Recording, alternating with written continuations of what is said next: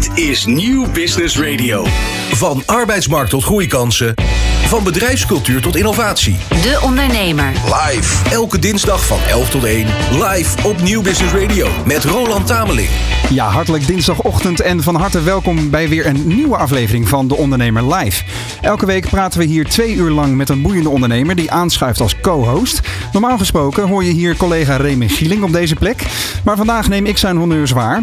Uh, mijn naam is Roland Tameling en op de plek waar ik normaal sta, aan de andere kant van de desk, staat vandaag Jonathan van Noord van de redactie van De Ondernemer. Jonathan, eerste keer, ben je er klaar voor? Zeker, leuk Ja? team. Ja, toch? Leuke line-up. En een hele leuke co-host vandaag. Want die gaan we ook eens even voorstellen. De co-host van deze week. Eh, in de studio is aangeschoven niemand minder dan Hans Ober van eh Ticketswap. Een van de oprichters en de huidige CEO. Hans, van harte welkom. Dankjewel, goedemorgen. Ja, goed dat je er bent. Ehm, een beetje, een beetje druilerig weertje, maar we hebben een, eh, een opgetogen verhaal vandaag over een onderneming die al heel wat, eh, ja, wat, wat stormen heeft weten te, eh, te doorstaan. Hè, en die nu weer aan de vooravond staat van een behoorlijke, behoorlijke groei. Ehm, daar gaan we dus uitgebreid het over hebben. Wat jullie doen en ook welke rol jij speelt in dat geheel als ondernemer. De komende twee uur verwelkomen we nog veel meer gasten in de studio. Ik ga de stoep op natuurlijk, zoals gewoonlijk, voor een nieuwe aflevering van De Ondernemer Onderweg. We hebben uiteraard ook weer de column van Nico Dijkshoorn, dus hou je hart vast. En we bespreken het belangrijkste ondernemersnieuws. Meeluisteren doe je uiteraard op Nieuw Business Radio. En kijken kan natuurlijk ook via deondernemer.nl of via YouTube. En zoals eh, collega Remy dan altijd zegt, we gaan van start. Van arbeidsmarkt tot groeikansen. Van bedrijfscultuur tot innovatie. De Ondernemer. Live. Elke dinsdag van 11 tot 1. Live op Nieuw Business Radio. Ja, sommige dingen veranderen nooit, want ook deze week beginnen we met het belangrijkste ondernemersnieuws van deondernemer.nl. Eh, Jonathan, jij zit er als geen ander in, hè, in dat nieuws. Maar kijk ook eerst even naar onze co-host Hans. Wat is jouw belangrijkste ondernemersnieuws van het moment? Wat houdt je bezig? Eh, ja, ik denk de investeringsmarkt, hoe dat gaat. Eh, sowieso ook de algemene economie met eh, de malaise die er nou ja, gaande lijkt te zijn of gaat komen. Ja, Maar met name de investeringsmarkt die eigenlijk best wel op zijn kop heeft gestaan of staat. En eh, heel veel bedrijven die heel erg laag gewaardeerd worden. De hele techsector die eh, op de beurs onderuit gaat. Nu hebben jullie daar zelf ook mee te maken natuurlijk. Jullie zijn eh, bezig en druk bezig geweest, ook met financieringsrondes. Wat merk je daar zelf van? Ja, we, we vallen zelf eigenlijk in het, aan de goede kant nou ja, van, de, van de tweedeling. Eigenlijk, je hebt de overgewaardeerde, verliesleidende techbedrijven die ja, mega gefinancierd zijn en eigenlijk nooit winst zouden gaan maken in de eh, foreseeing future. En Ja. dat zijn de partijen die nu gewoon eh, hard onderuit zijn gegaan. Wij zijn van oudsher, ja, we hebben recent eh, financiering of een investering opgehaald. Maar in principe zijn we gewoon een winstgevend bedrijf. En dat zijn we altijd geweest, nou behalve twee COVID-jaren. Ja. Maar verder hebben we, en staan we nu ook weer gewoon uh, groene cijfers te draaien. Dus je hebt eigenlijk niet zoveel last van een, een bubbel zoals andere techbedrijven wel. Nee, nee, we hebben het wat uh, Hollandser aangepakt. Heel goed, daar gaan we het later dit uur uitgebreid over hebben. Hey Jonathan, eh, wat beheerst de headlines op de ondernemer.nl verder? Ja, in, uh, zoals Hans het al zei, de algehele malaise van de economie. Um, maar laten we daar eens op focussen. Uh, het personeelstekort. Inmiddels is er in alle beroepsgroepen een tekort aan personeel. Dat meldt de uitkeringsinstantie UWV op basis van nieuwe cijfers. Voor het onderzoek keek het UWV naar 92 beroepsgroepen. Eerder dit jaar waren er nog genoeg schilders, metaalspuiters, hulpkrachten in de bouw en chauffeurs. Maar nu blijken ook die beroepen te maken te hebben met een tekort. Het aantal vacatures is met 44% gestegen ten opzichte van een jaar eerder. En Nederland ja. komt vooral ingenieurs, elektriciens, machinemonteurs, verpleegkundigen en softwareontwikkelaars tekort. Ja, dat laatste vind ik wel een mooi bruggetje weer naar Ticketswap. Want eh, bij jullie zijn de developers natuurlijk ook essentieel voor jullie product, het platform uh, Ticketswap. Hoe gaat het bij jullie qua personeelstekort? Uh, nou, op zich best wel. Nou, qua te, tekort valt het goed wel mee. Ja. Nee, het tekort valt wel mee. Ja. Ja, we hebben deze zomer wel heel veel last gehad uh, om mensen te krijgen die op onze klantenservice afdeling zouden willen werken. Mhm. Mm -hmm. Dat was gewoon heel lastig. We zijn heel snel open gegaan. Tenminste, ja, we waren altijd open, maar de markt is heel snel open gegaan.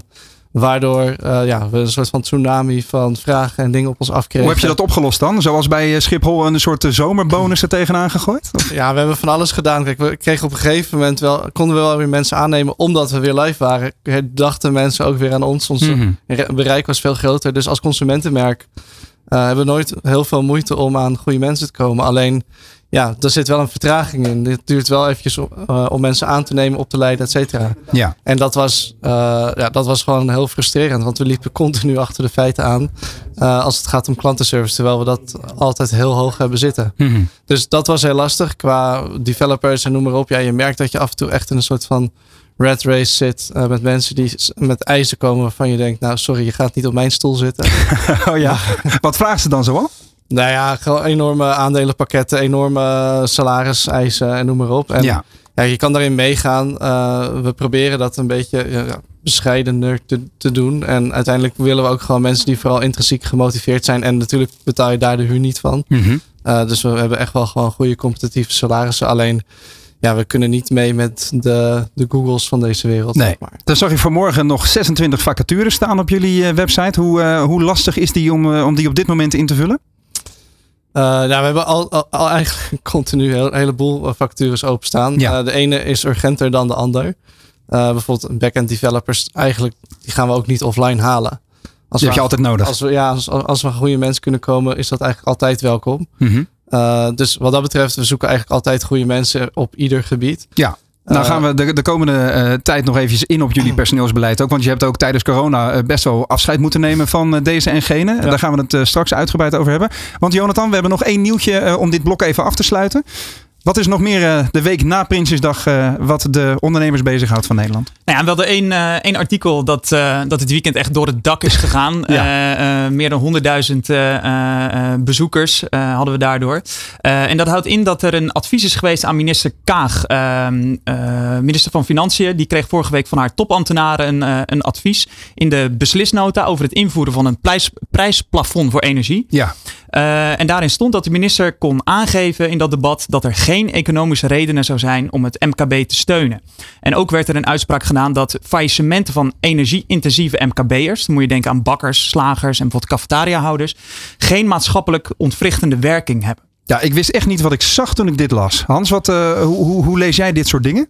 Ja, ik vind het heel raar. Ik, uh, ik bedoel, stroom, dat moet er zijn. Dus eigenlijk de stroomsector of de energiesector zou moeten ontwikkelen en niet per se de bakkerijsector. Ik denk natuurlijk, die kunnen uh, toch, ja, die kunnen niet met niks gaan bakken. Die ovens moeten toch verwarmd worden en die zullen, neem ik aan, al redelijk energie-efficiënt zijn. Ja. Uh, voor zover dat kan voor een oven die uh, vrij heet moet worden. Ja, want ik, ik, las ook dat het ministerie ervan uitgaat dat uh, als een bakker failliet gaat, heeft hij waarschijnlijk niet genoeg gedaan om te innoveren en dergelijke. En dat zei dus ook met corona over bedrijven die destijds geen ja, failliet zouden gaan of in ieder geval geen business meer hadden. En Ja. dat lag ook in ons geval niet aan ons. Op zijn minst opmerkelijk. En uh, ja, dit, dit gaf mij meteen een ideetje.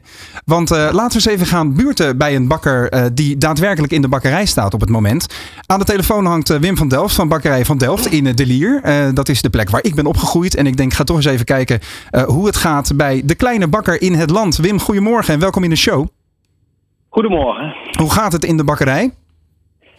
Ja, uh, het is bekend. Het is, uh, het is even wat grimmiger uh, alles. Uh, maar ja. Ja, wij, wij, staan natuurlijk, wij staan natuurlijk niet bij jou aan de, aan de balie of, of bij de ovens. wat is bekend? En dan kun je meenemen wat het, het nieuws en ook bijvoorbeeld de, de uitlatingen van minister Kaag met jullie doen als ondernemer? Ja, het heeft uh, hier in het uh, dorp uh, bij verschillende ondernemers ook wat losgemaakt, het, het, het, bericht. Ik moet eerlijk zeggen dat ik, dat ik daarna ook wel even de, het, het, stuk zelf wilde lezen, in plaats van alleen een nieuwsberichtje. ja, in de beslisnota staan inderdaad staan deze opmerkingen geschreven. maar ik raad wel zeker iedereen aan om ook de rest even te lezen. Want het is niet alleen maar grimmig wat erin stond, maar het was wel schrikken wat daar als advies gegeven werd. Wat viel er mee dan? Uh, nou ja, uh, vanuit uh, andere politieke partijen die waren er wel daadwerkelijk mensen die echt het, voor het steun pleiten. dus ja, er is nog wel zeker hoop aan de horizon dat er wat gaat komen. Ja. Alleen ja, dit, ja, dit blies natuurlijk even de afgelopen dagen heel erg op. en je, hier, lazen. je gaf aan dat je ook wel moest schrikken. Waar schrok je van? Uh, nou ja, uh, toch uh, de schrik dat er dan een kans is dat er geen, geen steun aan, aan gaat komen. En dat zal denk ik al mijn collega-bakkers in het land hetzelfde gevoel hebben. Ja, want wat merk je eigenlijk van de hoge prijzen? Heb je al de croissants duurder moeten maken? Ja, zeker. En uh, eigenlijk werkt het uh, door op, uh, op je hele assortiment. En nou ja, in een tijd van crisis is dat niet meer dan normaal dat, dat prijzen omhoog gaan. Alleen de vraag is, is dit nog normaal, deze prijsstijging? Want over wat voor prijsstijging hebben we het dan in de praktijk? nou ja, om het even een beeld te geven, het, het energie zelf is voor mij met een procent of 700, 800 gestegen. Uh, wij hebben er zelf voor gekozen om niet alles naar de klant door te rekenen. Uh, ja, puur omdat je ook uh, je, je, klanten graag in de winkel wil houden en het, het ontbijt ook betaalbaar voor ze wil maken. Ja. dus dat houdt in dat het bij ons zo'n 10, 10, 15 procent denk ik toch op echt het brood erbij gekomen is. En Wim, waar ik dan wel benieuwd naar ben, je zegt ik reken hem niet door, maar hoe lang hou je dit dan nog vol eigenlijk? Ja, geen, uh, geen uh, half jaar meer. Ik hoor een hele diepe zucht inderdaad. Ja, dat is, een, uh, dat is ook een, een, stukje een gok. En dat is ook met het, ja, de, de, de, de gok dat je, dat je op een gegeven moment een steun gaat krijgen. Of dat de energieprijzen weer een beetje inkakken. Ja, want wat, wat zou jij, waar hoop jij op vanuit Den Haag? Wat heb jij nodig als ondernemer? ja, iets. Uh, onder het alles is beter dan niets. Maar uh, op het moment dat er maar wat even bekend wordt, dan weet je waar je mee kan gaan werken. En nu is het een klein beetje hopen op wat er komen gaat. Of het er komen gaat en wat het, wat het dan is. Je zou toch denken met alle belasting op energie, BTW en energiebelasting, dat daar dat de overheid daar zoveel mee verdient dat ze daar toch wel wat uh, op kunnen verlagen. En daar een om te beginnen daar alvast een prijsplafond op kunnen zetten. Dat je voorlopig even ontzien wordt als ondernemer, bedoel je? Ja, dat, dat de BTW en de andere maar dat, heffingen... dat, je ook, dat je ook weet waarmee je kan gaan rekenen. Dus op het moment dat ik ervoor beslis om een uh, x-prijs aan een brood te gaan hangen, dat ik weet van deze steun kan ik de komende jaar, half jaar, twee jaar, ik weet niet, verwachten. Dus uh, ik kan dan een kostprijsberekening maken voor mijn spullen. Ja, Reageren de klanten begripvol? Of wat voor reacties krijg je aan de balie? Uh, heel begripvol. Dat, uh, dat kan je. Ja, nee, dat uh, daar heb ik echt geen, ja, geen, geen probleem mee. Iedereen weet wat er aan de hand is op dit moment in het land, in de wereld. maar ook zijn ze ook begripvol in de aantallen? De prijzen, ze merken het wel op dat het inderdaad duurder is geworden, maar iedereen ziet mijn schouders ophalen van, nou ja, logisch. Het moet maar even. Hè? Ja, en, uh, maar Hans uh, van Ticketswap geeft, geeft wel even een goed punt. Er zit natuurlijk ook een, een, een uh, einde in de rek van het begrip van je klanten. merk je al dat mensen wegblijven? ik merk niet dat mensen wegblijven. Je, je merkt wel dat er voor een aantal mensen dat, de, dat ze de extra's laten liggen. Hè? Mensen komen voor een brood, want dat is brood nodig. ja, ze laten alleen misschien dat gewilde koekje of even dat gebakje dit keer liggen. En dat, is, ja, dat snappen wij ook heel goed. Ja, dus al met al hebben we uh, duidelijkheid nodig vanuit Den Haag. En vooral klanten die moeten blijven kopen bij uh, Wim van Delft. Dankjewel voor je reactie vanuit het, het kloppende hart van de ondernemersvereniging in de Lier. En we houden jullie de komende tijd ook in de gaten. We gaan vaker buurten bij de bakker. Dankjewel. De Ondernemer. Live op Nieuw Business Radio. Ja, vandaag in de Ondernemer Live is Hans Ober onze co-host, de CEO van Ticketswap. Uh, Hans, we hadden het net eventjes met de bakker uh, uit de winkelstraat uh, over, over de effecten die de huidige crisis op, op zijn bedrijf heeft. Um, het ministerie geeft ook aan, ja, bedrijven die niet overleven, die hebben zich wellicht niet op tijd opnieuw uitgevonden. Um, wat is jouw gevoel daarbij? Ja, dat verhaal kennen we vanuit de coronacrisis, waar ook gezegd werd van ja, bedrijven die daaraan ten onder gaan, hebben misschien geen sustainable business uh, eigenlijk. Ja.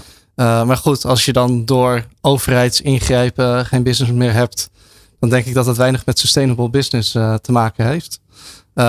ja, goed, en als ik dit zo hoor, het, het, klink, het klinkt bekend en ik denk dat het verhaal vooral zit bij de overheid om te kijken van alle belastingen, wat toch allemaal percentueel is om dat misschien te cappen en daar in ieder geval een eerste stap in te maken. En dat kost helemaal niks, want in eerste instantie verdienen ze heel veel meer. Mm dus ik zou, ja, ik zou zeggen, begin daar in ieder geval mee. En kijk daar, van daaruit welke partijen nog uh, sowieso, ja, dat zal nog steeds iedereen eigenlijk zijn, maar ik vind, ja, ik vind het wel schrikken als je dit soort dingen hoort. Ja, ik vind het ook zo bijzonder dat um, Den Haag dus blijkbaar denkt... nou ja, die MKB'ers, dat is, dat is hartstikke leuk. Uh, en, en, en, fijn voor die mensen dat ze een bedrijfje hebben... maar ze zijn niet essentieel voor de stabiliteit in Nederland. Um, ben ik nou de enige die hier zich uh, uh, op zijn minst verbaasd over voelt? Nee, ik vind, het, ik vind het verschrikkelijk. Want anders zitten we straks alleen maar met mega bakkerijen en mega veehouderijen en met mega winkelketens. En niet meer met de lokale ondernemer en eh, wat, het, wat het straatbeeld en gewoon een beetje gevarieerd houdt. Ja, het is te hopen dat, dat de Nederlanders, de Nederlandse overheid in ieder geval wel zicht houdt op die, op die kleine ondernemer. Ja, en alles rekent uiteindelijk ook gewoon door naar de consument. Ja, Jonathan, ik zie je vinger omhoog gaan nou aan de andere kant van de desk. Wat hier natuurlijk ook wel ironisch bij is, is dat tijdens corona de bakker hè, als essentieel werd gezien. En dan nu ehm, ja, bij de eerste de beste tegenslag die zij wel voelen, corona viel dat misschien nog mee, dan zijn ze opeens niet meer essentieel. Of zo kan je het, uh, zo kan je het implementeren. Ja, we hebben ook een, eh, een uitgebreid eh, verhaal daarover staan. Hè, met reacties van andere bakkers en mensen uit die branche op deondernemer.nl. Dus kijk daar zeker ook even naar. Laten we eens even in- en uitzoomen op Ticketswap op dit moment. Want jullie zijn een stuk groter dan de lokale bakker, zou ik maar zeggen. Maar um, om even heel erg ver uit te zoomen. mensen die geen idee hebben wat jullie doen, dat zullen er niet zoveel meer zijn op dit moment. In één zin, wat leg je, hoe leg je dan uit wat jullie doen? we hebben een platform waar vraag en aanbod van, van tweedehands tickets, maar tegenwoordig ook primaire tickets eh, die op ons platform worden verkocht door organisatoren, uh, nou, brengen we samen. En dat uh, zorgen dat we op een veilige manier uh, die transacties kunnen fa faciliteren. Ja, want je geeft al meteen aan dat er een duidelijk verschil is of een verandering is gekomen in jullie businessmodel, zou je kunnen zeggen. Want het begon ooit met, uh, stel, ik, uh, je had een kaartje voor Lowlands in dit geval, mm -hmm. hè, en, en, jij wilde die kwijt. Het was een rommeltje online. Er was eigenlijk nergens een goed platform om, om dat op te kunnen doen. Maar die primaire tickets, wat is daar anders aan dan? Wat, wat bedoel je daar precies mee? Uh, nou ja, we, we, zien dat, dat wij behoorlijk wat uh, bezoekers hebben online op, de, op onze website, in onze apps. En ja, daar, ja, we willen niet concurreren eigenlijk met het primaire aanbod. We willen gewoon de fan de keuze geven om het juiste kaartje te kopen. Mm -hmm. uh, en ook niet uh, de organisatoren in de weg te zitten als concurrent op hun tickets. Uh, dus vandaar dat we eigenlijk altijd zeggen van wie wil daar integreren we ook de ticketshops. We geven zelfs, zelf geen tickets uit, gaan we ook niet doen. Oké. Okay. Maar we integreren gewoon met hun bestaande ticketoplossingen. En hoe wordt erop gereageerd vanuit de, mar de markt? Uh, nou, best wel veel. Die, daar daar uh, hebben die integraties mee. Dat werkt ook uh, gewoon heel goed. En ja, dat, over het algemeen zijn de reacties heel positief. Maar sommige partijen kiezen er heel bewust voor om hun eigen fanbase zelf aan te spreken. En dan kunnen wij naar hun toe linken. En dan wordt het daar afgerekend. Ik vind dat zelf hè, voor, voor de fan journey, voor mensen die bij ons op het platform komen, niet ideaal. Mm -hmm. Dus we zullen altijd kijken of we dat wel bij ons kunnen doen. Uh, maar ja, uiteindelijk gaat het erom dat organisatoren succesvol evenementen organiseren. En ja. het liefst ook steeds meer. Want dat is voor ons ook weer goed. Maar wat maakte het voor jullie interessant dan om dit uh, uit te breiden? Naast het, het verhandelen, zogezegd, van, van tweedehands tickets? we zagen dat, dat nou, voor, ons is, kijk, voor ons is het interessant dat wij fans een goede ervaring kunnen geven. Dat mm -hmm. zie ik als strategisch plan. En dat is niet op korte termijn winstgevend of wat dan ook. Het gaat er wat mij betreft om dat jij als bezoeker, je gaat naar Ticketswap en dat je niet bij ons een kaartje koopt en vervolgens uh, ziet, oh shit, er waren toch nog uh, primaire kaartjes in de voorverkoop en die misschien soms wel goedkoper waren. dat is absoluut niet de bedoeling. Mm -hmm. wij, dat, ik probeer gewoon een eerlijke markt neer te zetten. Ja. En daarbij hoort ook transparantie naar wat de mogelijkheden zijn. Het idee begon ooit in 2012, geboren uit jouw eigen frustratie, hè, zoals ik net al even uitlegde. Um, kun je even uh, uh, het verschil schetsen uh, bij Ticketswap op het moment, dus bijna oktober 2022, ten opzichte van tien jaar geleden? Ja, ja, dat is een wereld van verschil. Kijk, er zijn eigenlijk twee onderdelen hetzelfde. En dat is dat we toen vraag en aanbod samenbrachten en een transactie konden faciliteren. ja, en kijk, tegenwoordig uh, hebben we Secure Swap. Dat hebben we al een tijdje, maar gaat er veel meer automatisch. We hebben uh, in het begin echt de eerste iteratie was eigenlijk niet eens een soort van platform met evenementen, maar dat was gewoon je plaatsen een ticket. Uh, dat was één bestand met misschien wel vijf tickets. En, ja. zei, en dus er werden er soms per ongeluk vijf verkocht in plaats van één. En voor de prijs van één. En nou goed, het zijn allemaal dingen die we dus heel snel, maar wel uh, gaandeweg verbeterd hebben. Uh, en ja, dat hebben we continu doorontwikkeld. En dat platform zelf, dat was meer een soort van blog in eerste instantie, waar nog geen evenementen uh, op te vinden waren. En dat alleen maar een soort van post met, hey, ik uh, awakeningskaartje of uh, ja, whatever. En, het is bijna een soort forumachtig dingetje waar ja, je dan elkaar wel, wist te vinden. En een van de eerste dingen die we gedaan hebben was wel inderdaad evenementen toevoegen, zodat je echt op evenement kon zoeken. Ja. Uh, maar goed, het was wel belangrijk dat ook als er maar een evenement met één kaartje was, dat dat ene kaartje ook gevonden werd. Dus we hebben ook daar heel erg uh, op doorontwikkeld. Maar ja, het, het, is niet meer te herkennen. Kijk, en voor de, voor de reguliere gebruikers zal het verschil niet heel erg zichtbaar zijn. Maar ja, we zijn veel grotere aantallen natuurlijk gaan doen. Dan nou, daar wilde ik inderdaad naartoe. Want eh, in het begin was het dus hooguit een paar tickets per dag of zo. En als je nu kijkt naar jullie aantallen op het moment, wat, wat zijn de pieken? Hoeveel doe je er dan per dag aan transacties? Ja, een hoop. Echt heel veel. Ja, kun je daar. we, willen, we willen naam en toename. Nee, daar doen we nooit uitspraak over. Dat ga ik hier vandaag ook niet doen. Maar, echt niet? Nee, maar het gaat echt om. Uh, nou ja, venues aan de tickets per dag. Oké, okay, ja. Maar ik stel de vraag natuurlijk ook om even aan de luisteraar en aan de kijker uit te leggen hoe groot de scope van Ticketswap is. Mm Hoeveel mensen bedien je wereldwijd bijvoorbeeld? En in hoeveel landen zijn jullie nu uh, actief? Ruim 40, hè, begreep ik. Uh, ja, het begrip is breed. Wij zeggen altijd, we zeggen nu uh, 28. Ja. Maar het begrip is breed. Uh, Ticketswap is gewoon benaderbaar vanuit ieder land. En we hebben eigenlijk voor alle grote landen, hebben we, of alle grote economieën, kan je daar de munteenheden mm -hmm uh, kan je transacties doen om te kopen en ook om te verkopen. Ja. Dat is redelijk uniek, want meestal is het, het is gewoon heel lastig om te zorgen dat je in allerlei verschillende landen ook kan uitbetalen aan consumenten. Ja. Uh, dus, maar dat hebben we, hebben we nou ook vrij snel best wel groot opgeschaald.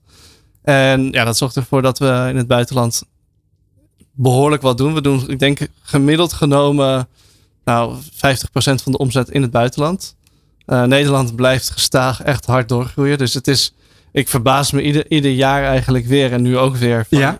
van hoe kan dit? Hoe vaak gebruik je het zelf nog? Uh, ja, steeds, meer, steeds minder eigenlijk. Ja, je hebt geen tijd meer. Ik heb daar geen tijd. En, en, en uh, ja, ik word ook nog wel eens uitgenodigd hier of daar. Dus dan vind ik het leuk ook om daar bij onze partners langs te gaan en te kijken hoe zij hun evenementen organiseren. En pak je meteen even een evenementje, evenementje mee. En jij, Jonathan, uh, ben jij een Ticketswap fan? Zeker, zeker. Voor, voor de festivalzomer pak ik er eentje mee. ik had nog wel een, een vraag aan Hans. Ehm, jullie zijn in, in Nederland praktisch monopolist. Uh, nu hoor je vaker bij uh, monopolisten, ik zit even aan bijvoorbeeld Booking te denken, uh, dat die minder sympathiek worden of op zijn minst minder sympathiek ogen. Hoe denk jij daarover? Ja, kijk, ik denk dat uh, er zijn. Ja, nee, ik, ik, ben het op zich helemaal met je eens. Alleen ik zie onszelf niet als monopolist. Wij zitten namelijk in een soort van driehoeksverhouding tussen ticketbedrijven, fans en evenementorganisatoren.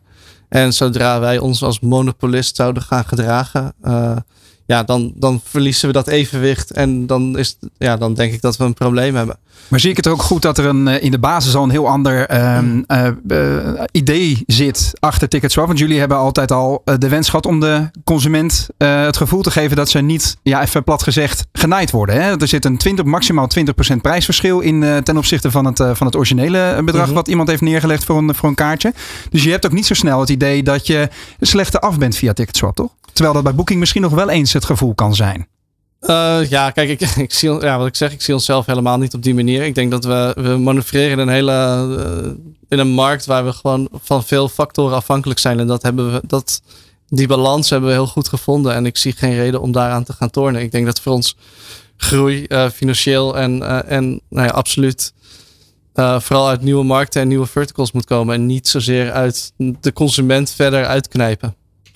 De Ondernemer. Live op Nieuw Business Radio. Heel goed. We gaan eh, door naar de volgende studiogast eh, van vandaag. We hebben het uh, samen met onze co-host Hans Ober van, uh, van Ticketswap over de evenementenorganisatie en over uh, natuurlijk ook wel de liefde voor muziek.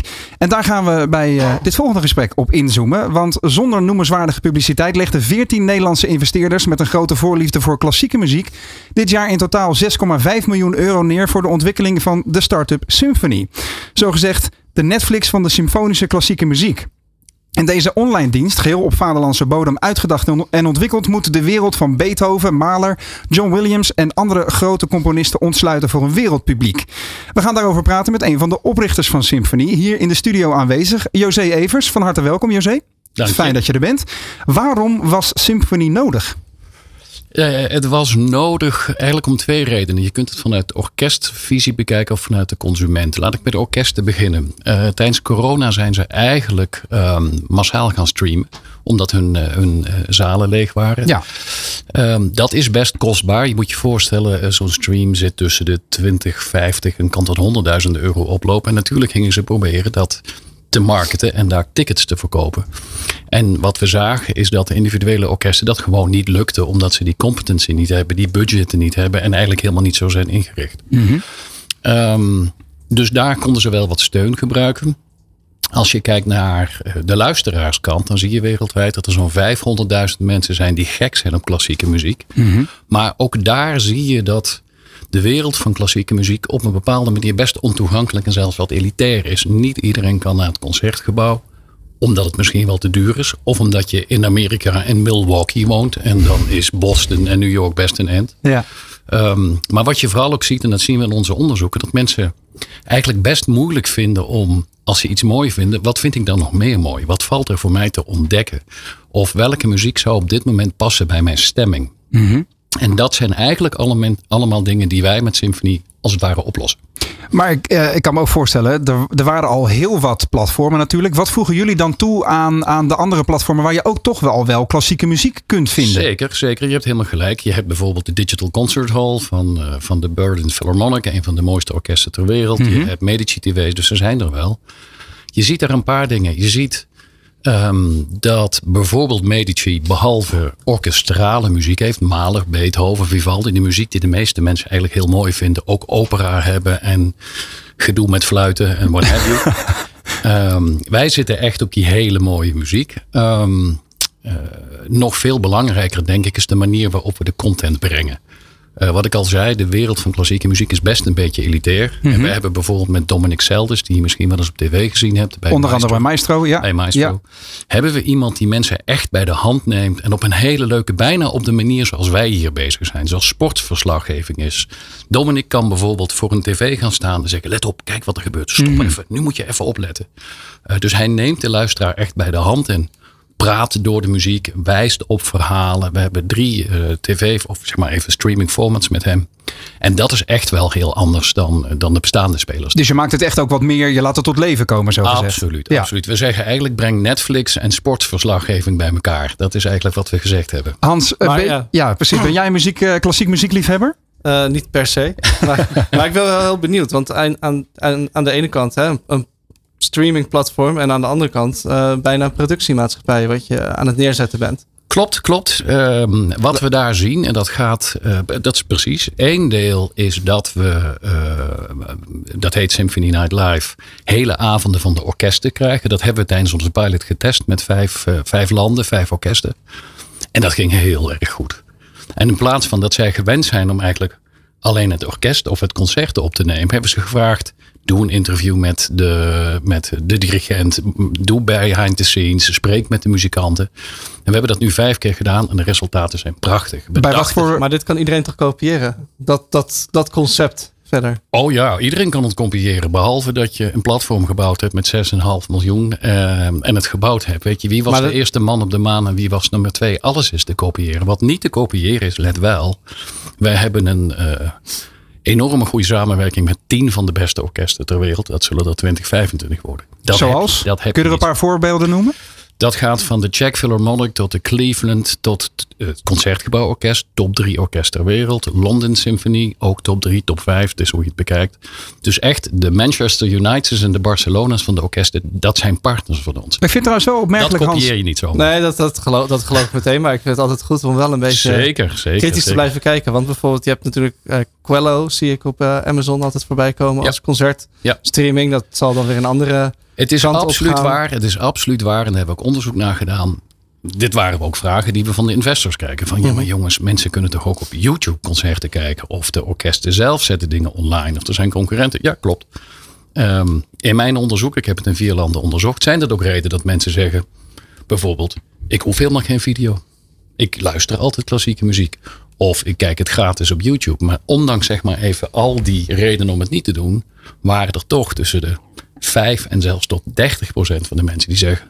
Lijkt me zo leuk om dat makkelijk bij elkaar te hebben. Voor 9,95 heb ik een goede user interface. Hoef ik niet te zoeken op YouTube. Heb ik goede kwaliteit. Want over die doelgroep gesproken, voor wie maak je dit specifiek?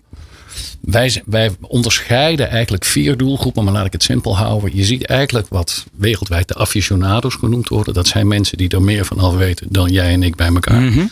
Um, en daaronder zit eigenlijk een grote groep, dat noemen wij de verdiepers. Um, die eigenlijk best al veel weten, maar eigenlijk steeds nieuwe dingen willen ontdekken, nieuwe verhalen. En dan maak ik toch de derde groep, pak ik erbij. Dat is een groep die er misschien wat verder van afstaat. Gek is op die muziek. En geïnspireerd wil worden om nieuwe dingen te ontdekken. En het zijn een beetje die drie doelgroepen die we willen bedienen. Maar er zit natuurlijk ook een bepaalde vorm van zendelingenwerk in. Hè? Ik kan me herinneren toen ik nog onder de 27 was, had het eh, residentieorkest in Den Haag een bepaalde eh, eh, regeling dat je als jongeling, dus onder de 27, met korting naar klassieke muziek mocht. En daar hebben wij toen bovengemiddeld vaak gebruik van gemaakt. Dus ehm, dat komt misschien ook omdat heel veel mensen nog niet weten hoe mooi het kan zijn. Dus hoe ga je die bredere doelgroep bereiken dan, behalve de mensen die er al in zitten? Voor dat tientje ook. Inderdaad.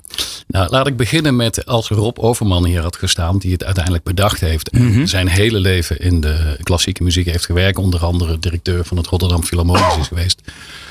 Die gaat dan helemaal los. Zijn levensmotto is: Dit is de mooiste muziek ooit gemaakt. 100 plus muzikanten op een podium. Het is bijna door God gezonden. Ehm, en zijn drijfveer is altijd geweest om dat zo voor veel mogelijk mensen toegankelijk te maken. Al bij het Rotterdams Philharmonisch werkte die met lichtshows en, en, en projecties. Dus dat is altijd zijn drijf, eh, drijfveer geweest. En ja, met onze campagnes willen we niet alleen zeg maar, die top van die mensen bereiken, die eigenlijk wel al geïnteresseerd zijn. We proberen dus met video's en uitingen en twee weken gratis op proef mensen naar binnen te trekken en te laten zien, kijk wat hier te ontdekken valt. Maar het is de million dollar question. Niet alleen maar zeg maar die top. Misschien wel een beetje die elite. Maar juist die grotere groep bereiken. En dat is wat, we, wat onze opdracht is. Ik zag dat jullie eh, 14 Nederlandse investeerders eh, eh, bij elkaar hebben weten te krijgen. Ehm, eh, hoe heb je die mensen overtuigd? Ehm, ja, dat is een goede vraag. Dat was, eh, daar hebben we ook een half jaar over gedaan. Dat ging, dat Ja. ging niet voor niks. Ehm, ik denk dat het een combinatie is van het enthousiasme van Rob. Ehm, het feit dat we al zes orkesten aan boord hadden. eh, dat, dat was echt heel overtuigend. Het internationale onderzoek wat we gedaan hebben. Zodat je zag dat er behoefte aan is. En we hebben een trailer met Dominic gemaakt. Die werkt ook heel goed. Meeslepende man, hè? Ja. Ehm, eh, mannen, hier in de studio. Zouden wij 9,95 neerleggen om eh, een abonnement te nemen op Symphony? Nou, ik zou het op zijn minst wel twee weken willen proberen. Daar ben ik wel, eh, wel heel benieuwd naar. Twee weken krijg je de kans, eh José. Ja. En ja, precies. ja, haal me eens over. Welke componist, welk orkest moet ik dan eh, op zijn minst opzetten? Nou, ehm, over volgens mij een week of twee weken zenden we, ehm, eh, die heet heel mooi MTT, Michael Tilson Thomas met de Czech Philharmonic, met een Amerikaans stuk. Wat ik prachtig vind. Hij komt aanlopen. Ik heb een preview gezien. En je ziet dat dat klassieke beeld, slechte woordspeling, van het orkest. En er wordt gestemd in een chique zaal. En iedereen is mooi gekleed. En alles zit klaar. En hij komt aanlopen. Een van de beroemdste dirigenten ter wereld. En zegt tegen de man: speelt hier vanavond een orkest? En die man kijkt hem echt een beetje verschrikt aan. Dat moet jij gaan leiden. Ah, zegt wat leuk. En wat spelen ze dan? Eh, En die man is even een beetje off guard. Maar op dat moment, en dan sluit hij zijn oog. En dan gaat hij het podium op. Op dat moment heb je als kijker een totaal andere relatie met die man. Dan normaal dat mannetje wat daar staat te zwaaien. Hij komt van het podium af en zegt: Weet je wat? Die Tsjechen, die hebben mooie schoenen. en het zijn die dingen die je normaal niet ziet, ehm, die het zo interessant maken. Of een Papano, even snel, ook een mooi verhaal. Italiaanse dirigent, werkt heel veel in Engeland. En was voor Engeland in een wedstrijd tegen Italië. En dat nam zijn orkest hem heel kwalijk. Hij komt de volgende dag op de repetitie, vertelt hij. En ze beginnen het totale Italiaanse volkslied te spelen. Eh, al die verhalen, eh, die kom je op Symphony tegen. Kijk, eh, het is op zijn minst een interessante eh, nieuwkomer in, de, in de, de toch wel overbevolkte markt van streamingdiensten. Ik wens jullie heel veel plezier. Ja, oké, ik, ik snap ook dat het in dit geval nog best wel wat ruimte biedt, José. Ja. Dankjewel voor je komst en eh, veel succes met het eh, veroveren van de wereld. José van de nieuwe app Symphony. De Ondernemer De Ondernemer live. op Nieuw Business Radio. In de studio praten we door met onze co-host van vandaag, Hans Ober, de CEO van Ticketswap. Hans, we hadden net eh, in de studio het over eh, eh, Symphony. De nieuwe Netflix voor klassieke muziek, eh, muziek zo gezegd. Oh, en toen hadden we het over innovatie en het omarmen van nieuwe ideeën. Jouw idee voor Ticketswap kwam, zoals we eerder hebben besproken, voort uit je eigen frustratie. Maar hoe heb je dat toen de tijd weten om te zetten naar een innovatie en dus een, een goed businessmodel? Uh, ja, kijk, het idee kwam echt in een periode dat ik, dat ik nog studeerde. Dat ik bezig was met mijn masterscriptie. Uh, mm En eigenlijk voor, voor mijn gevoel heel veel tijd over had. Wat natuurlijk eigenlijk helemaal niet het geval was. Um, en ja, toen uh, ik kwam, er, ik kwam erop omdat ik het, het zelf eigenlijk miste. En ik ging toen een beetje googlen. En ik kwam alleen maar partijen tegen waar ik echt niet mee geassocieerd wilde worden toen al. Waarom niet? nou, dat waren echt van die woeker websites waar ja, een aan slechte reviews over waren. En het, het hele businessmodel heel anders in elkaar stak. En eigenlijk ook, uh, die waren puur georiënteerd op van die mega-evenementen waar een mega vraag voor was. En niet gewoon een, een feestje in een, in een club in Amsterdam of zo. Mhm. Maar echt van die grote concerten, de Beyoncé's en de Champions League finales en zo. Dat Waar mensen dus ook uh, van nature geneigd zijn om nog veel meer geld neer te leggen. Precies. En ja. uh, nou, ik dacht, ik, kan hier, ik, kan, ik wil hier niet eens mijn kaartje verkopen. Ik wil ook niet zo te boek staan ten opzichte van anderen. Mm -hmm. En ja, toen gaan zoeken. En toen kwam ja, uiteindelijk dat het plan wat ik eigenlijk mis, tenminste het concept wat ik eigenlijk miste, uh, opgesteld. Daar een businessmodel voor gemaakt. Uh, tenminste, ja, ik had de pricing had ik vrij snel bedacht. Maar dat was ook wel een beetje natte vingerwerk, zeg maar. Hoe bedoel je? Nou ja, de 10% uh, fees die wij rekenen, dat is. Ja, dat, eh, dat hebben we toen bedacht. Of tenminste, heb ik toen in mijn businessplan gezet. En dat is zo gebleven en dat is nog steeds zo. Maar dat deed je dus op een soort van buikgevoel. Een soort van dit is acceptabel voor de klant of zo. Of hoe maak je zo'n keuze? Ja, dat leek me fair. Kijk, we hadden het sowieso ingestoken dat het 5% voor de verkoper is en 5% voor de koper. Ja.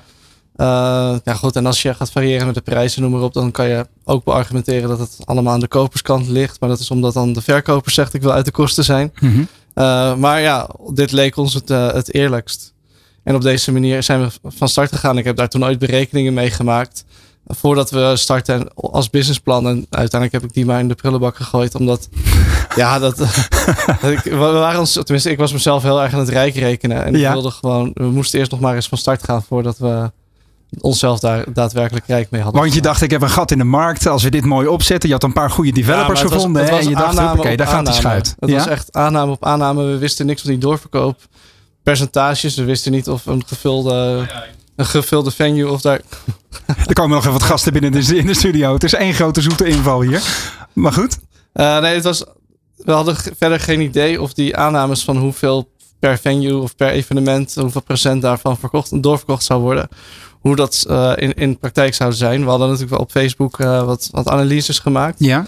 Uh, en dat zag er ja, veelbelovend uit. Maar we wisten ook wel dat we daar niet het hele plaatje zagen. En wie weet, als wij, als wij dit zouden doen, dat we niet die hele markt naar ons toe zouden kunnen trekken. En ja, wat, wat als, wat als, wat als. En op een gegeven moment is het aanname op aanname op aanname. Ja.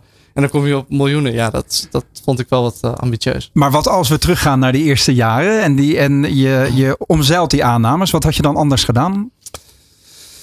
Kijk, ander, anders. Ik had een hoop anders gedaan. We hebben. We zijn, het was voor mij het echt eerste bedrijf. Uh, eerste profession, echt professionele ervaring, zeg mhm. maar. Uh, mijn compagnons die hadden een, een agency in het bouwen van websites en onderdelen van websites. En ja, we, we, kwamen met z'n drieën bij elkaar. En nu ineens gingen we echt een, een platform neerzetten en wat we wilden vermarkten. En daar hebben we denk ik heel wat dingen heel conservatief aangevlogen. Uh, weinig risico's genomen. Wij, toch heel laat pas de eerste mensen aangenomen. Mm -hmm. Laat pas echt, echt geïnvesteerd in echt talent van mensen die veel meer wisten dan wij over bepaalde specifieke onderwerpen. Uh, en je merkt gewoon, ja, nu hè, tien jaar verder heb je heel wat mensen aangenomen die op hun vakgebied echt wel veel meer weten van bepaalde dingen dan jij of ikzelf. Uh, en dat zijn juist de mensen die echt helpen met de groei. En die echt het verschil maken onderaan de streep. En daar zijn we veel, echt veel te laat mee begonnen. En daarnaast, uh, we hadden eigenlijk, kijk, Facebook die was, was de plek waar iedereen voor evenementen informatie eigenlijk wel kwam. Ja. Uh, en die, de features die Facebook destijds had. Uh, en toestond dat je vanuit andere apps, en in dit geval Ticketswap, automatisch kon delen in uh, Facebook op de evenementenpagina of op je uh, eigen wal of in bepaalde groepen die dan gingen over kaartjes doorverkopen en verkopen. Uh, dat was eigenlijk een enorme growth hack, zeg maar, voordat growth hack echt een ding was. ja. Want Facebook werd mede een soort platform waar je meer een bus ging creëren. Ja, ja. want Hans, dat is, heel toevallig staat hier ook op mijn lijstje. Je hebt dus heel veel te danken aan die event pages. Ja ik ken weinig mensen meer die echt zo fanatiek nog op Facebook zitten. Of die zich aanmelden voor een feestje van ik ben aanwezig. Met de, stel je had nu uh, Ticketswap in de markt moeten zetten. En je had dus niet meer gebruik kunnen maken van dus die growth hack van mhm. Facebook. Hoe, hoe had je dat aangepakt? Nou, dat doen we nog steeds. Hè? Nieuwe markten in andere landen waar we proberen uh, nou ja, serieus voeten aan de grond te krijgen. Uh, in principe wat we doen is eigenlijk dit, diezelfde growth hack maar één stapje verder. Kijk, wij wie, wij willen mensen bereiken die kaartjes hebben, die kaartjes kunnen verkopen. Als er eenmaal kaartjes op ons platform staan, krijgen wij ze, uh, ze wel verkocht. Dat is op zich niet het probleem. Dus wat, wat wij, waar wij ons op richten is op ticketbedrijven en evenementorganisatoren daarmee samenwerken. Zorgen dat we volledig uh, eh, 100% safe die risico kunnen faciliteren.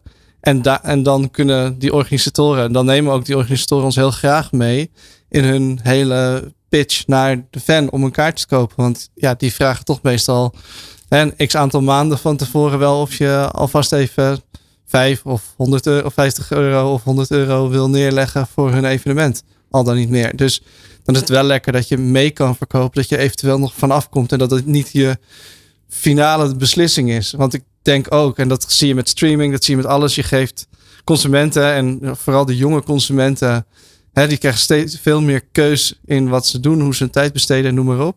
Dus die willen zich helemaal niet zo vast laten leggen. Dus het is voor organisatoren heel belangrijk dat ze gewoon hun kaartje kopen op tijd en, en van tevoren, zodat zij daarmee ook hun evenementen kunnen financieren. Uh, en als zij daar nou ja, in hun hele marketingverhaal naar de consument ook bij aangeven dat ze uh, dat fans makkelijk van hun kaartje ook weer af kunnen, dan is dat altijd een, uh, een pluspunt en het, het verlaagt de drempel tot aankoop. En nog even eh, een stapje terug eh, naar jouw ondernemerschap. Je gaf net aan van joh, eigenlijk, eh, als ik het goed begrijp tenminste, de conservatieve aanpak die jullie hebben gehad met de onderneming, daar had je bijna een beetje spijt van, merk ik. Dat had je in ieder geval anders gedaan. Ik had het sowieso anders gedaan, maar ik denk dat iedereen die. Het, niemand doet het in één keer goed. Zeker ondernemers niet. Zeker niet first-time ondernemers. Mhm.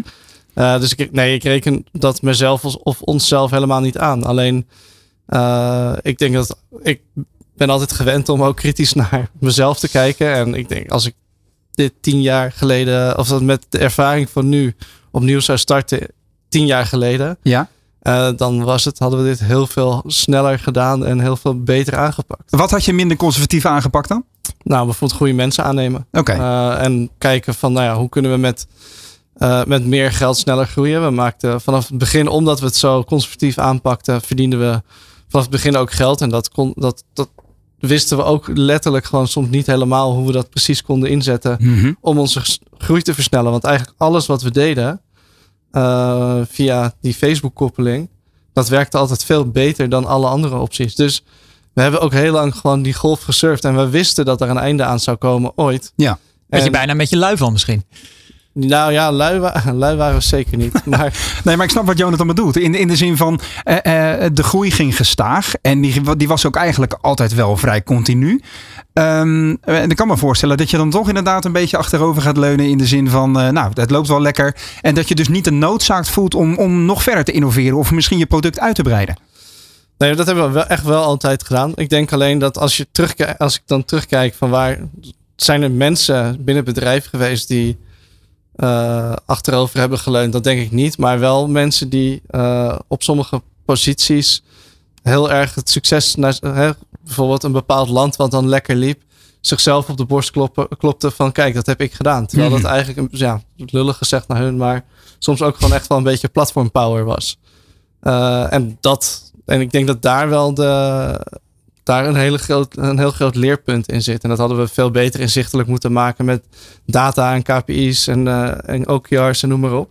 Maar onderaan de streep hadden we, is, was het in de meeste gevallen vooral platform power wat daar voor succes heeft gezorgd. En een, een enkeling uh, bijvoorbeeld in, in Hongarije is het, hadden we echt gewoon de grootste partners daar in de markt aan boord. Dus dat, mm -hmm. dat hielp wel. En daar waren we wel in één keer gewoon echt goed binnen. Ja, ik vind het wel mooi, eh, ook Jonathan, om, om een ondernemer te horen die gewoon ook wel een beetje hand in eigen boezem steekt. En niet zegt van uh, ja, dat hadden we niet kunnen, kunnen zien aankomen. Dat is uh, verfrissend. Gaan we straks in het tweede uur uitgebreid over door. Maar eerst duiken we even in de wonderwereld van de Bitcoin. Dit is De Ondernemer live op Nieuw Business Radio. Ja, we zitten hier in de studio uh, voor de Ondernemer Live met de co-host uh, Hans uh, van, van Ticketswap, Hans Ober. Um, en co-host, co-host Jonathan van Noort van de redactie van de Ondernemer. En we, gaan het, we gaan het zo even hebben over de Bitcoin. mannen, zitten jullie een beetje in de crypto's? Ik niet. Nee, ik heb ooit wel wat gekocht, maar ik, ik was er uiteindelijk zoveel mee bezig in mijn hoofd. En ik dacht van ja, wat, wat maakt nou meer rendement? Uh, ik hoop toch eigenlijk met mijn eigen bedrijf meer rendement te maken. Uiteindelijk je eigen ticket te swappen voor een pensioen, zo gezegd. Nou ja, dat niet per se, maar in ieder geval, kijk, ik kan mijn tijd beter stoppen in ons bedrijf. Oké, Jonathan? Nee, ik, uh, ik wil liever aandelen ticketswap uh, als ik het deze zomer zo zag. Heel goed. Nou, er zijn ook een, uh, een paar Nederlandse mannen die daar een heel andere gevoel bij hebben. Sebastian van Erne en Ivar Beukenboom zijn van de origine festivalondernemers. Maar toen zij de Bitcoin Conference in Miami bezochten, dachten ze, dit kan anders. Eenmaal terug thuis in Amsterdam bleef dit idee aan ze, aan ze knagen. En zo hebben ze een plan gemaakt voor de Bitcoin Conference 2022 in Amsterdam. Nou, daar willen we inderdaad meer van weten. Dus aan de telefoon hangt Ivar Beukenboom. Welkom Ivar in de uitzending. Hi, goeie, goedemorgen. Goedemorgen. De Bitcoin Conference in Amsterdam. Wat moeten we ons daarbij voorstellen? Ja, goede vraag. Uh, wij gaan het, uh, dat is in ieder geval 12 tot 14 oktober in uh, Westgas, gasfabriek. Ja. En wat moet je daarbij voorstellen? We, we hebben eigenlijk een jaar geleden zijn wij, ehm, zijn wij ja, is dit op ons pad gekomen door te bedenken vanuit het festival-idee hoe wij eigenlijk altijd onze gastronomische events uh, organiseren. Amsterdam Wine Festival, Verdi Champagne doen we normaal gesproken. Maar we hebben ook een uh, voorliefde voor uh, bitcoin in het bijzonder. Um, ja, dat is eigenlijk ontstaan door het, ja, het geld wat we dan verdienen met de evenementen. Om daar een deel van te investeren in, in bitcoin.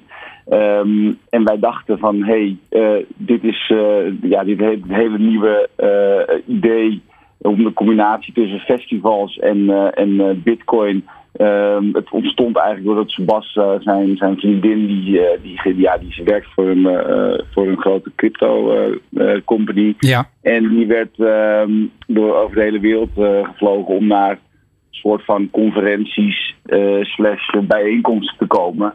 Nou ja, werd, ja, er was heel veel animo voor, maar het werd altijd zo onprofessioneel georganiseerd. Er werd een, eh, een banner werd opgehangen. Nou, maar dat vind ik wel even interessant. Uh, jullie, jullie zijn uh, dus naar de Bitcoin Conference geweest in Miami. En toen dacht je, dit, dit kan anders. Wat, wat was er niet goed daar dan? Nou, nee, dit, dit, nu, ga je, nu stap je eigenlijk over één heel belangrijk onderdeel heen. Dat is eigenlijk het ontstaan van het idee. Ja. Want daarna zijn wij daarheen gegaan. Het was, in eerste instantie was het zo dat, dat, de, de, ja, dat er over de hele wereld wel wat eh, evenementen worden georganiseerd met betrekking tot cryptocurrency. Nou, dat, uh, dat, dat, ja, dat was op een, op een manier gegaan dat niet heel erg professioneel werd georganiseerd.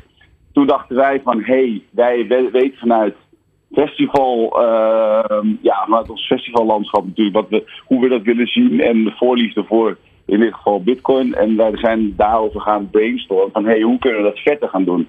Nou ja, en wat kwam daaruit? kwamen wij er ook achter dat er in Miami een conferentie werd gehouden van Bitcoin. Ja. Dat is de, uh, de grootste conferentie op Bitcoin-gebied ter wereld. Dat is dus in Miami. En dat doen ze voor de derde keer deze dag. Uh, voor 26.000 man. En daar is uh, Sebastian Compion is daar naartoe gevlogen in, in april. En um, ja, dat is op zijn Amerikaans heel groot. Eh, eh, eh, allesomvattend. nou ja, goed, er zaten heel veel goede dingen bij. Voornamelijk content-wise. Dus echt de grote sprekers die, die zij daar naartoe kunnen trekken. En dan moet je denken aan een Serena Williams, aan een Jack Dorsey van Twitter. Ja. Echt grote namen. Nou, dat was echt fantastisch hoe ze die bij elkaar wisten te krijgen. Alleen organisatorisch, daar, ja, daar waren nog wel een aantal aantal punten die gewoon uh, verbeterd konden worden. Hey, nou, nou zitten de ondernemers uh, die, die onze show luisteren en kijken, die, uh, die worden natuurlijk kapot gegooid werkelijk met allerlei symposia en congressen en, en, en, bijeenkomsten. Waarom zouden ze hun tijd op 12, 13 of 14 oktober nou wel in jullie moeten investeren en niet in anderen? Ja, ik zie je trouwens een, een, een, een, een begripvolle knik hier rechts van mijn co-host. ja, ja dat, is, dat is natuurlijk eigenlijk een uh, het is totaal nieuw. Hè? En het is ook iets wat nog in de kinderschoenen staat. Het is een totaal nieuwe, nieuwe vorm van uh, ja, revolutie in finance gebied. Ja. Um, En, en dat is het meest interessante. En waarom je naar Amsterdam moet komen, is omdat wij de, de grootste eh, in Europa eh, in één keer zijn. Wij verwachten uh, 3.000 tot 5.000 bezoekers. Daarbij hebben we eigenlijk ook de, wat ze in Amerika hebben ge, gedaan. De, de topsprekers op het gebied van finance, van bitcoin, maar ook vanuit de tech en vanuit politici. Die halen wij naar Nederland. Noem eens wat klinkende namen. In combinatie met de, de, de jongens van Bitcoin uh, uh, Miami, want daar hebben wij een joint venture mee gesloten. Ja. En uh, goed, wat ons eigenlijk ja, anders maakt dan wat ze in Amerika doen, is een manier van hoe we dat congres, die conferentie gaan hosten en, en produceren. Ja. Dat is totaal anders dan wat wat ze in Miami en wat ze overal in de wereld van een congres doen. Wij doen het veel meer vanuit de filosofie, beleving en um, uh, ja, festival. Dus wat wij, wat wij eigenlijk ook met onze andere festivals doen, brengen wij nu in praktijk met Maar- ook de Bitcoin-conferentie. Laten we het eens En dat proberen dan totaal tastbaar te maken. Eh, op het moment dat ik daar sta in Amsterdam, eh, heb ik dan een, eh, een glas champagne in mijn hand en heb ik meer het gevoel van sfeer of zo, dan, dan Ja, alleen maar het eh, luisteren? Precies dat.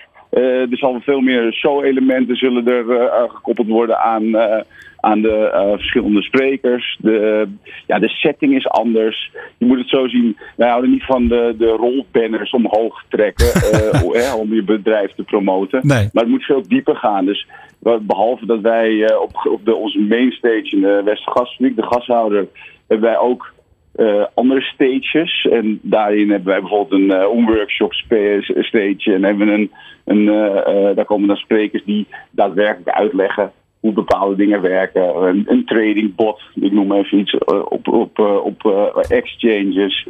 Nou, hoe maak je een, een wallet aan? Ik ga nu vrij de diepte in. Nee, maar goed, dat is ook wel, wel hoe je- goed. hoor, Want hoe je ik zie hier inderdaad. Bitcoin koopt en aankoopt, hoe je het verhandelt, bij Ja. wijze van. Of hoe je het. eh, hoe je het, ja, hoe je het Als je, dat, als je dat niet weet, ga je dan naar, meteen dan naar een conferentie waar je ook wel nou ja, weer wat geld voor moet neerleggen? Zo, Excuus? Als je dat nog niet weet hoe je bitcoins moet kopen en verkopen, ga je dan meteen naar een conferentie? Nou ja, dat is, eh, het, het, je, je moet het, is, het, is, het is heel gemêleerd publiek wat er komt. Hè. Het, is een- het is niet alleen eh, de, degene die, die al heel veel ervan af weten. Want wij krijgen ook vanuit eh, scholen en studenten die, die daar naartoe willen komen. En daar hebben we ook aparte pakketten voor. Om hen ook ja, de mogelijkheid te geven om daar naartoe te komen. En die weten er eh, over het algemeen weten, eh, ja, weten die daar nog niet eh, tot in de, de, de puntjes alles vanaf. Dus het is vanuit, van begin tot, eh, tot, het, ja, tot heel erg diep eh, wat wij gaan, eh, Ja. ja, wat we daar gaan, gaan doen. Ik zie op jullie lijst ook wel van, eh, van sprekers die daar staan. Wel echt boeiende mensen. Zeker voor mensen die al in de Bitcoin zitten. Ik zie onder andere Adam Beck. Als technisch expert was hij nauw betrokken bij het, eh, het, eh, het Bitcoin, Bitcoin protocol. We hebben Ja. Bert, Bert Slachter. Nederlands meest invloedrijke persoon binnen de crypto wordt hij genoemd. Ben benieuwd wanneer je dat wordt. Jemima Kelly zie ik op de lijst staan. Columnist van de Financial Times en podcasthost van de Skeptics Guide to Crypto. Dat is altijd goed mensen die met een, eh, een, crypti, een, eh, cryptische, een sceptische blik eh, op het onderwerp eh, kijken.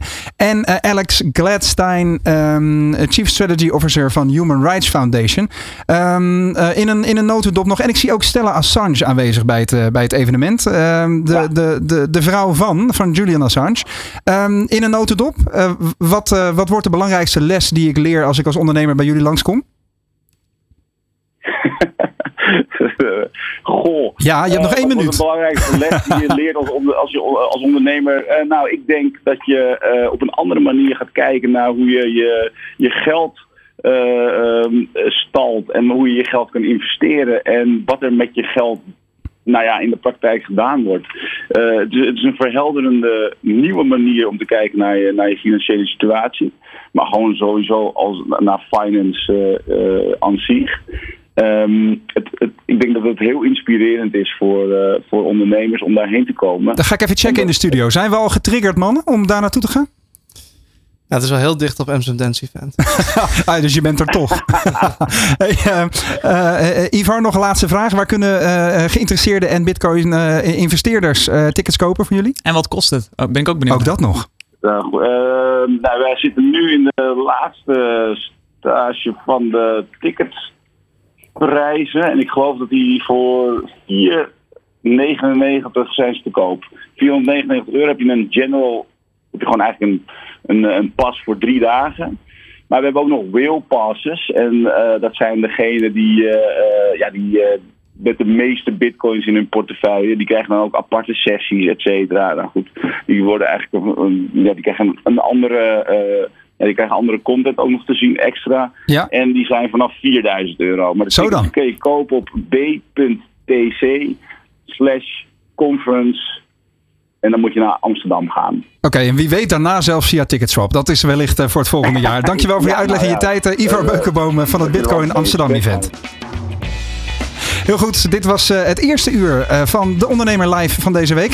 Eh, met als co-host Hans Ober van Ticketswap. We hebben nog een uurtje te gaan. Hans, hoe zit je in de energie? Dat gaat goed. Ja, wel lekker hè, volgens leuk. mij. Ja, hartstikke goed. Nou, straks gaan we onder andere praten met eh, eh, de mensen achter een nieuw Chinees automerk. Ja, inderdaad, voor de zoveelste keer. Build Your Dreams komt langs. En we hebben natuurlijk ook de column van Nico Dijkshoorn en nog veel meer. Graag tot zo.